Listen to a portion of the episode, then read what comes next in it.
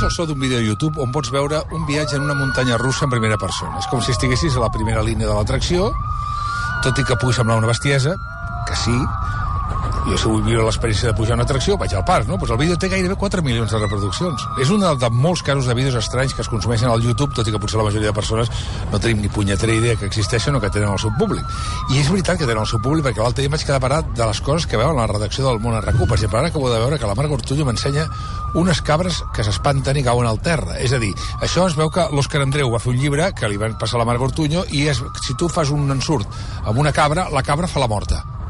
Es fa la morta com un, com un, com un fenomen de, de, de defensa i es tira a terra, llavors si no l'ataques torna a aixecar-se i això té moltes visites i dius, bueno, ja, jo vull parlar d'això però... hola Alexia Arres, bon dia Hola, molt bon dia. hola Jordi Celles, bon dia Bon dia. Què? La cabra. La cabra. Crec que el Víctor Amel allà que també està al·lucinat Jo, jo Hola, flipo, Víctor. jo flipo, escolto, escolto. Bon dia, bon dia. Bon dia. Um, per què mirem aquests vídeos, Alexia? Doncs jo crec que perquè ens ve de gust a entreteniment diferent que podem decidir quan el volem veure i què volem veure. Al final jo crec que a YouTube hi ha de tot per tothom i ara, és a dir, ara mateix. I la gent jo crec que busca coses que, pues, que a vegades ni s'imagina, però es posa a buscar paraules, troba un vídeo, s'hi enganxa, no? I crec que eh, té una riquesa brutal de contingut, aquest vertical d'entreteniment que no para de créixer, a més a més, que és molt important, perquè fa un temps era informació i aprenentatge, i ara aquest entreteniment s'ha fet tan, tan, tan, tan gran que tenim des de lo més mainstream, com viatges, aprendre a fer coses, no? com fer-te un ús d'una corbata, fins a lo que vèiem de les cabres, no? gent que dorm, també Jordi, només dorm, per exemple, eh, i altres moltes coses, no? que comentava el Jordi, molt frics. Després, cap a tres quarts, parlem amb el Víctor Amel i el Broc de televisió, però això és una altra No podem competir amb això.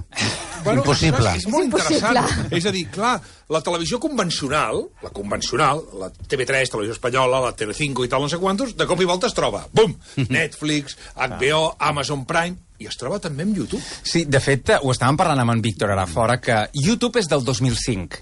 O sigui, des del 2005 nosaltres tenim la possibilitat Fa 15 de poder... anys. Fa, qui- fa 15 anys els vam celebrar, no?, fa relativament Sí. poc, Sí, vam fer una secció poc. i vam dedicar a, a, a parlar de l'origen d'aquell primer vídeo de Me at the Zoo, no?, Me que era un Zoo, vídeo, i tant. un vídeo petit, no?, que van penjar un dels fundadors de YouTube. Aleshores, YouTube, al 2005, ja va marcar una cosa a la qual ens vam acostumar i ja no ens hem desacostumat més, sinó que la indústria audiovisual s'ha adaptat a això, que és a tenir el contingut audiovisual que volem, quan volem, Exacte.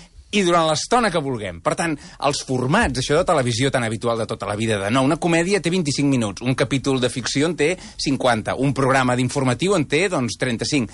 S'acaba. Tu pots tenir vídeos de 3 hores d'un paio dormint i funcionar, i vídeos de 10 segons d'una cabra que s'espanta, i també. Per tant, Exacte. es trenca absolutament allò que estava eh, establert com a canònic, no?, en el món Jo crec que el audiovisual. poder el tenim nosaltres, com a consumidors, de poder escollir el que volem, Mm. el que volem veure quan volem, el que tu deies, i per mi aquesta és la gran màgia, no?, i el que fa que sigui una proposta audiovisual d'èxit i una de les xarxes, no, de les plataformes que més creixen, no? Sí, però Alexia, Jordi, expliqueu-me, Celles, expliqueu-me per què jo em quedo durant 15 minuts mirant un paio filipí que està esculpint un tros de fusta per fer no sé què, i em quedo... I dic, però per què estic mirant això? Expliqueu-me per què, per què ho miro. Jo crec que perquè et sorprèn, perquè et relaxes, no? Potser moltes vegades a mi em passa que miro vídeos perquè la meva ment es queda en blanc, no? Eh, I perquè és això, perquè és una proposta diferent que no t'esperes. La capacitat de sorpresa que mm. pot generar-te aquest vídeo és que mai un programador de televisió, en una graella de tele normal t'ho programaria. Ara. Mai. Això t'ho col·locarien en un espai mini de curiositats, no sé, d'un programa X. Mai Sí, però a- això que m'ha dit l'Alexia m'ha agradat, que és com un relaxament cerebral. És veritat, Sí. durant aquella estona tot desapareix. No hi ha cap problema en la meva vida. No hi ha res més. De fet, hi ha Tens una... tota la raó, és Sí. això. Sí, sí. De fet, hi ha una modalitat de, de vídeos, no?, que és l'ASMR, ASMR, perdoneu, que el que fa són gent que fa sorolls amb un, amb un micròfon de- d'alta freqüència, toca cosetes, eh, fa sorolls amb la boca, i és una de les tendències de YouTube que més creixen i que bàsicament el que fan és relaxar i aportar plaer a la gent. Mira, tot això... I a mi jo, he de jo dir que jo en sóc consumidora i tot, eh?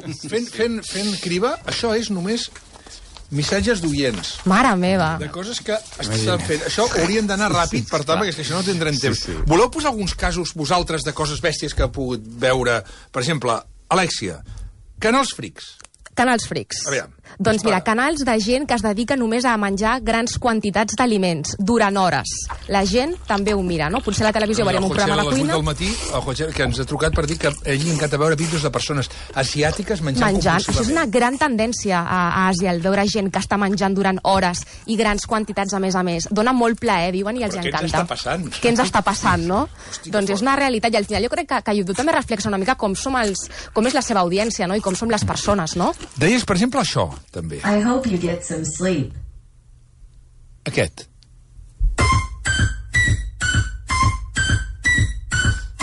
Això és, són canals de gent... És a dir, això és vídeo quotidià, dormir.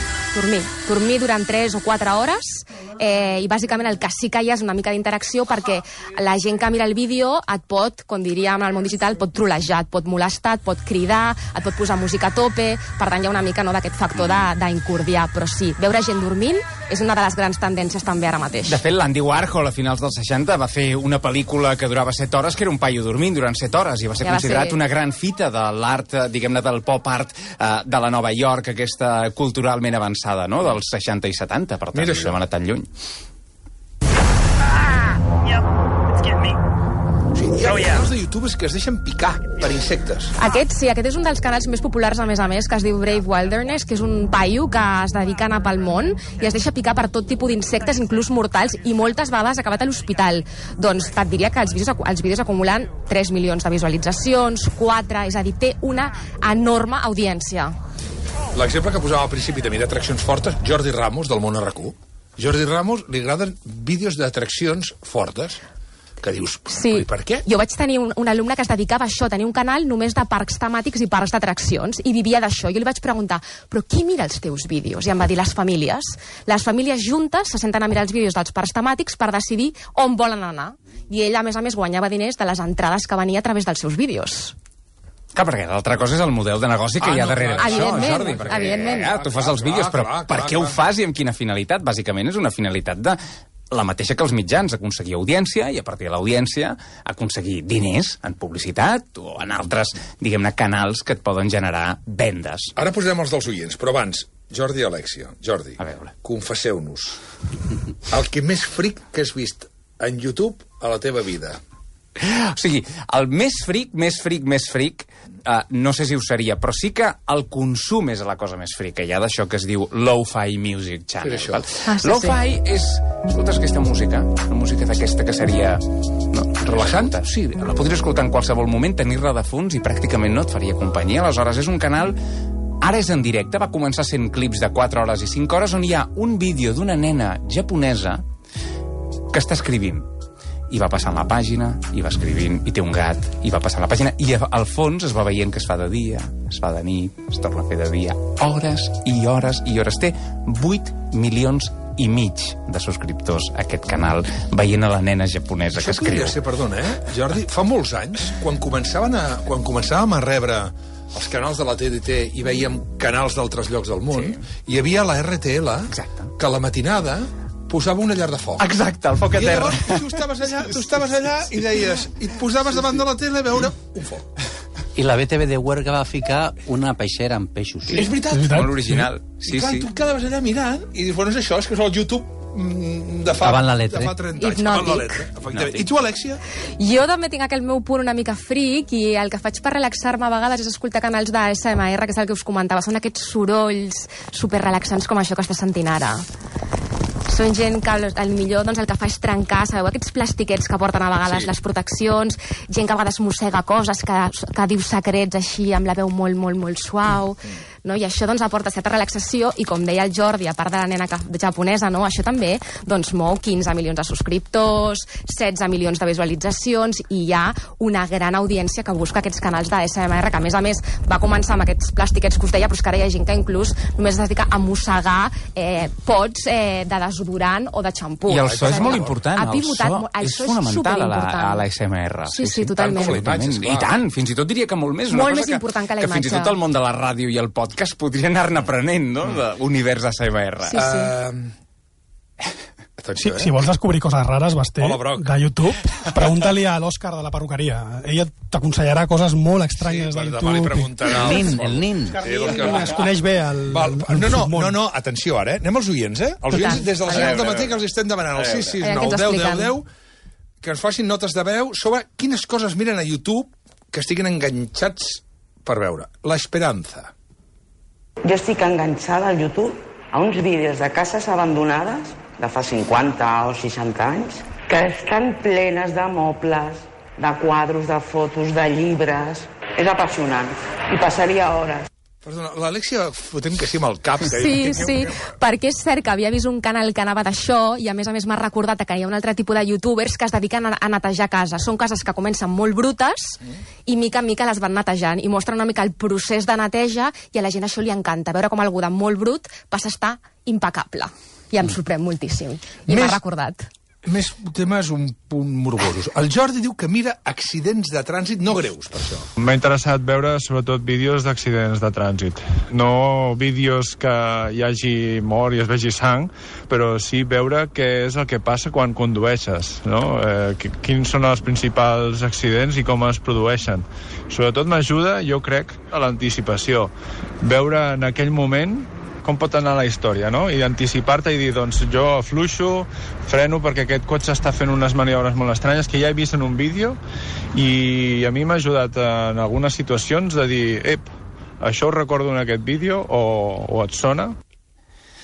Pel·lícula Crash, eh, del Oh, sí, Cronenberg. sí. Eh? sí. Sí, senyor, obra mestra, obra Eh, mestra. Obra mestra, Obra mestra, sí, absoluta, sí, eh? senyor. A- A l'era YouTube. En aquest La. Laura ja és allò que explicava abans de la Marga i el llibre de l'Òscar Andreu, a uns vídeos d'unes cabres que quan s'espanten es desmaien. i ho hem estat veient aquí, vull dir, Sí, la sí. gent s'hi dedica. L'Eva, Els vídeos als que jo estic enganxada són uns vídeos d'un noi em, que és jovenet, deu tenir uns 19 o 20 anys, que és mexicà, i fa vídeos de llengua maia, i llavors t'ensenya a dir paraules o frases en, en llengua maia, que és el que ell parlava sempre de petit amb la seva àvia. I ara últimament és el que li han donat un, un programa de televisió i tot a una televisió mexicana. Mare un oient que mira com treuen grans del cos. I això hi ha diversos oients, o sigui, això està Sí, sí, escampat. Això, això també és, té, té, un, té un públic, té un públic. Doncs a mi van parlar-me de la doctora Lee, la doctora Petagranos.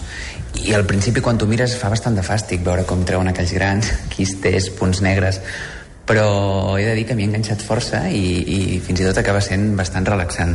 Bueno, ara l'Òscar Nin Sí. diu que l'ABC de Bizarrada són aquests vídeos de patagrans amb la doctora Lee de Califòrnia que té 7 milions de subscriptors al seu canal de YouTube. I la grans, també els veu, eh? Tens cera de les orelles, Sí, eh? o sigui, també, de treure també. traps. Bueno, eh? Ramon Tens- Bartolí, que aquestes una coses colla. t'agraden. Sí, hi ha gent que li encanta. Sí, sí, Sí, el sí, aquest Ramon món Bartolí. escatològic els Aquí deixem volar. Sí, no?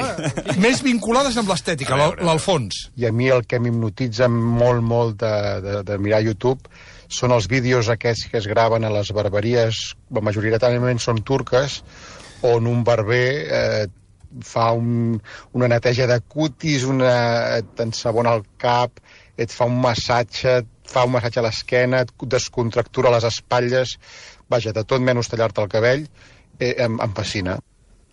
El Toni, atenció al Toni.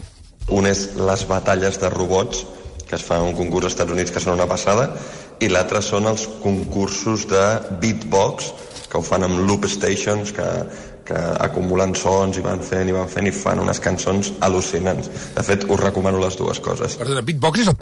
Sí, Sí, senyor, sí, sí, sí, exactament. sí, sí. I llavors es gra grava, eh? No, no, Ho fem molt bé, ho fem molt bé. no, ho fem molt bé. Digi Basté. No, no, el, el Roger, atenció al Roger, atenció al Roger. A uns vídeos d'unes cabres que quan s'espanten es desmaien. No, aquest També, ja també, teníem. El 8, el 8, el Roger, el Roger. Yo estoy enganchado a un canal que se llama Barcelona Street, que va sobre recorrido sobre la ciudad de Barcelona. Gente que camina por la ciudad y en ese momento pues ves lo que hay eh, en las calles. L'Alberto, això és l'Alberto. Més de viatges. El Joan. Jo veig eh, viatges a temps real en cabina de tren. Ha sigut una forma fantàstica de viatjar durant aquesta pandèmia. El Carlos. Yo lo que veo en YouTube mucho, y la verdad es que hipnotiza, es una hoguera, como si fuera una chimenea, echando fuego, ahí tranquilamente, y está en 4K. Y encima con el sonidito de, ¿sabes? De, de las maderas ahí. O sea, muy bien. Sirve para hacer la siesta, es estupendo. 4K. 4K. Foc en 4K. Poca broma. I per fer la siesta, també. Sí. L'Eric. Jo estic obsessionat amb els vídeos de restauració d'objectes. Hi ha en particular un canal que es diu My Mechanics, que és un, un home que té molt ofici de Suïssa, que fa unes restauracions increïbles de qualsevol tipus d'objecte antic que gairebé eh, no es podria aprofitar ni per ferralla. Increïble. Bueno, allò que comentava l'Alexia Ernst fa un moment. El Xavi, escolteu. i estic super enganxat als vídeos de les reformes de, de casa. Reformo un pis en 10 dies o reformo una casa en 10 dies. Em té enganxadíssim. El Quim. Jo els vídeos que miro més del YouTube són com munten bicicletes d'alta gamma, com passen els cables, com munten el manillar, l'eix de pedalier, les rodes, la suspensió. M'agrada, m'agrada molt com ho fan i, i amb la facilitat que ho ensenyen. O el Marc. Jo amb el que estic superviciat són aquests vídeos d'uns nanos que tenen una plataforma i comencen a llançar coses cap a baix. O sigui, gasten molts de quartos, llencen cotxes, van llançar hasta una avioneta, eh, ho trenquen tot, és una passada. Parlaven de menjar. Atenció al Tomàs. Doncs jo estic enganxat a un canal d'un noi que es diu César Blue, que es dedica d'anar de restaurant en restaurant i es posa fins a dalt. I també vaig descobrir un d'un amic seu que es diu Joe Burger Challenge, que es dedica a menjar-se tones i tones de menjar i jo no entenc com no rebenten. Però una vegada veus un, no pots parar de, de veure'ls durant hores. Eh, eh, és curiós aquest missatge. No pots parar. No pots parar. És hipnòtic. Que seria la diferència de YouTube respecte a TikTok, per exemple. No? Mhm. TikTok és la sublimació de, de, de tots aquests canals que dèiem de curiositats, de detall, perquè t'ho resumeix tot en molt pocs segons. La Mhm. casa està desordenada i la Exacte. tens ordenada, a més a més amb música. O la doctora Peta Grans doncs t'ho fa d'això. O a, la persona que té una habilitat física específica. És breu.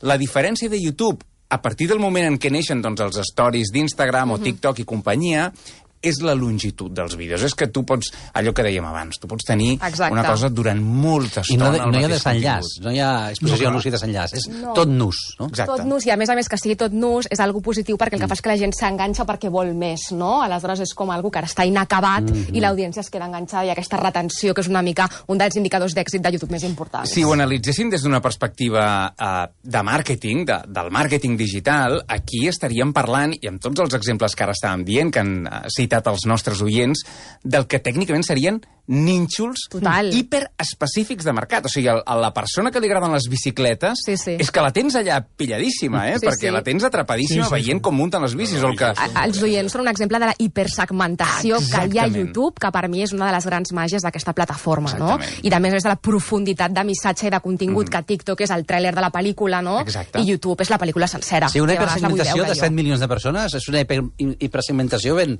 curiosa, no? Molt És a dir, curiosa, sí. que hi ha, hi ha molta gent per tot. Aquello que se dice, hay gente todo? Pues sí. Sí, Hay no, i ara Sí, sí. tot està cada més dispersat. Hi ha gent que es pregunta per què la gent s'hi anirà després de la pandèmia menys al cinema, per entendre'ns. Jo crec que quan comencin a arribar les grans pel·lícules, i quan dic les grans, vull dir les grans, sí, sí. la gent tornarà al cine, perquè Totalment. jo prefereixo veure James Bond, no? James Bond en pantalla gran que no en una tele o en una pantalla gran a casa. Bueno, és el fet d'anar-hi, del fet de moure'm, el fet d'anar-hi. Jo crec que això passarà. És veritat que veurem, que veurem les, tot segurament molt més segment, segmentitzat. Mm. Què vull dir? La televisió, ara, Uh, la Rocito, per És exemple. més ràpida que abans, La Rocito, sí, sí, tot que abans ràpid. hauria fet un 50, fa un esplendorós 30 ara. Mm. Ah, bueno, I clar, les coses que feien 30 ara fan un 15. I les coses que feien un 15 ara fan un 7. Per què? Doncs perquè ha altres plataformes, com pot ser Netflix o com pot ser HBO, bueno, per què coi Amazon s'ha quedat amb Metro Goldwyn Mayer? Doncs precisament perquè és un pastís de les pantalles. I això que estem parlant avui, que a mi em sona a raresa i el planeta se'n va fer punyetes, és una altra manera de veure la televisió. Igual que les nostres criatures, bàsicament, però no tot- només criatures, estan enganxades a això de TikTok, que són 20 segons, 30 segons, i anar passant, i anar mirant, i I anar donaven mirant. més, donaven més. Fixa't que quan van arribar les primeres antenes parabòliques, recordes allò que veiem als Sí, canals per sí. satèl·lit, Anys 80. l'Astra, no? I passat, no? I veiem 60, 70 canals que ens semblava una cosa al·lucinant. Allà ja començava una cosa que als Estats Units feia més temps que existia, que era aquesta hipersegmentació de canals. Un canal de decoració, un canal de cuina. Allò ens semblava Golf. la màxima modernitat. Un canal de golf, un canal Sí, de sí. pesca i de caça. La sublimació de tot això arriba amb YouTube el 2005 i amb això que estem parlant avui. No? Exacte. Que, aquests canals de les primeres parabòliques, de les primeres plataformes digitals, de dir, no, és que tinc un canal de cuina tot el dia, a- acaba transformant-se, doncs, no, no, no de cuina, un tio que només cuina ous ferrats amb patates específic. fregides. Sí, eh? sí. Però a la, a la butxaca, perquè abans havies d'estar a casa i tenir la parabòlica al terrat. Exacte. Ara ho portes a la butxaca. Totalment. És a dir, mentre Sí, sí. vas al cine a veure la gran pel·li James Bond, al taxi vas mirant els TikToks. I, i Sí, sortint sí, del cine... és cert, és cert. Sí que sí. Les cabretes, les Deixa'm dir cabretes una que cosa, cauen. una altra manera de, de fer moure els sentiments. Jo n'havia anat i vaig anar al TEA a l'Ideal, Jordi. Ai. Klimt! No, no, jo, jo vaig, jo vaig anar, m'ha m'ha convidat. Jo. Jo tinc pendent amb els celles anar, Però eh? aneu-hi, sisplau, per l'amor de Déu, aneu Ja no, però no només per Clint, sinó per l'experiència d'anar allà, tot, tot. visual... És que és una passada, de debò, quin gust, coses així. Tu t'ho dic, eh, al, al Poble Nou de Barcelona... T'ho agraeixo molt. No, no, no cal que m'ho agraeixis, perquè és que m'ho vaig A passar... la meva filla li va flipar. No, no, sí, la veritat. no, no, no, M'ha encantat com vaig anar. A més, per anar amb la família, perquè a més, primer és un acte cultural bestial. Eh... Ramon Torró, no, al carrer? Sí, uh, O Doctor Trueta, perdona. Trueta. Doctor On eren els, els mítics platós ideals. Ideal. Durant molts anys s'hi van fer molts quan, programes i cada quan aneu variant? El... Doncs cada mig any, més o menys. Cada Hi ha dues grans exposicions a, a l'any. Ara acabem d'inaugurar aquesta sobre Klimt i la Viena del 1900 i, i això hi serà doncs, tot l'estiu i amb moltes ganes de, de, de rebre-hi a, a tothom. Vull Què és el que més li va agradar a la teva nena? Pues que s'ho va passar molt bé, perquè clar, perquè tenia dos anys i escaig. Ja, ja, per això, i no? Va semblar que era com... eh, Clar. Festival. Virtual, va ser, la realitat virtual és espectacular, Sí, sí, espectacular, de debò. Eh, gràcies, gràcies. elles, gràcies, Alexia. Gràcies. No us moveu, Víctor Amela, No. que continuem parlant de televisió aquí al Món RAC. Un segon.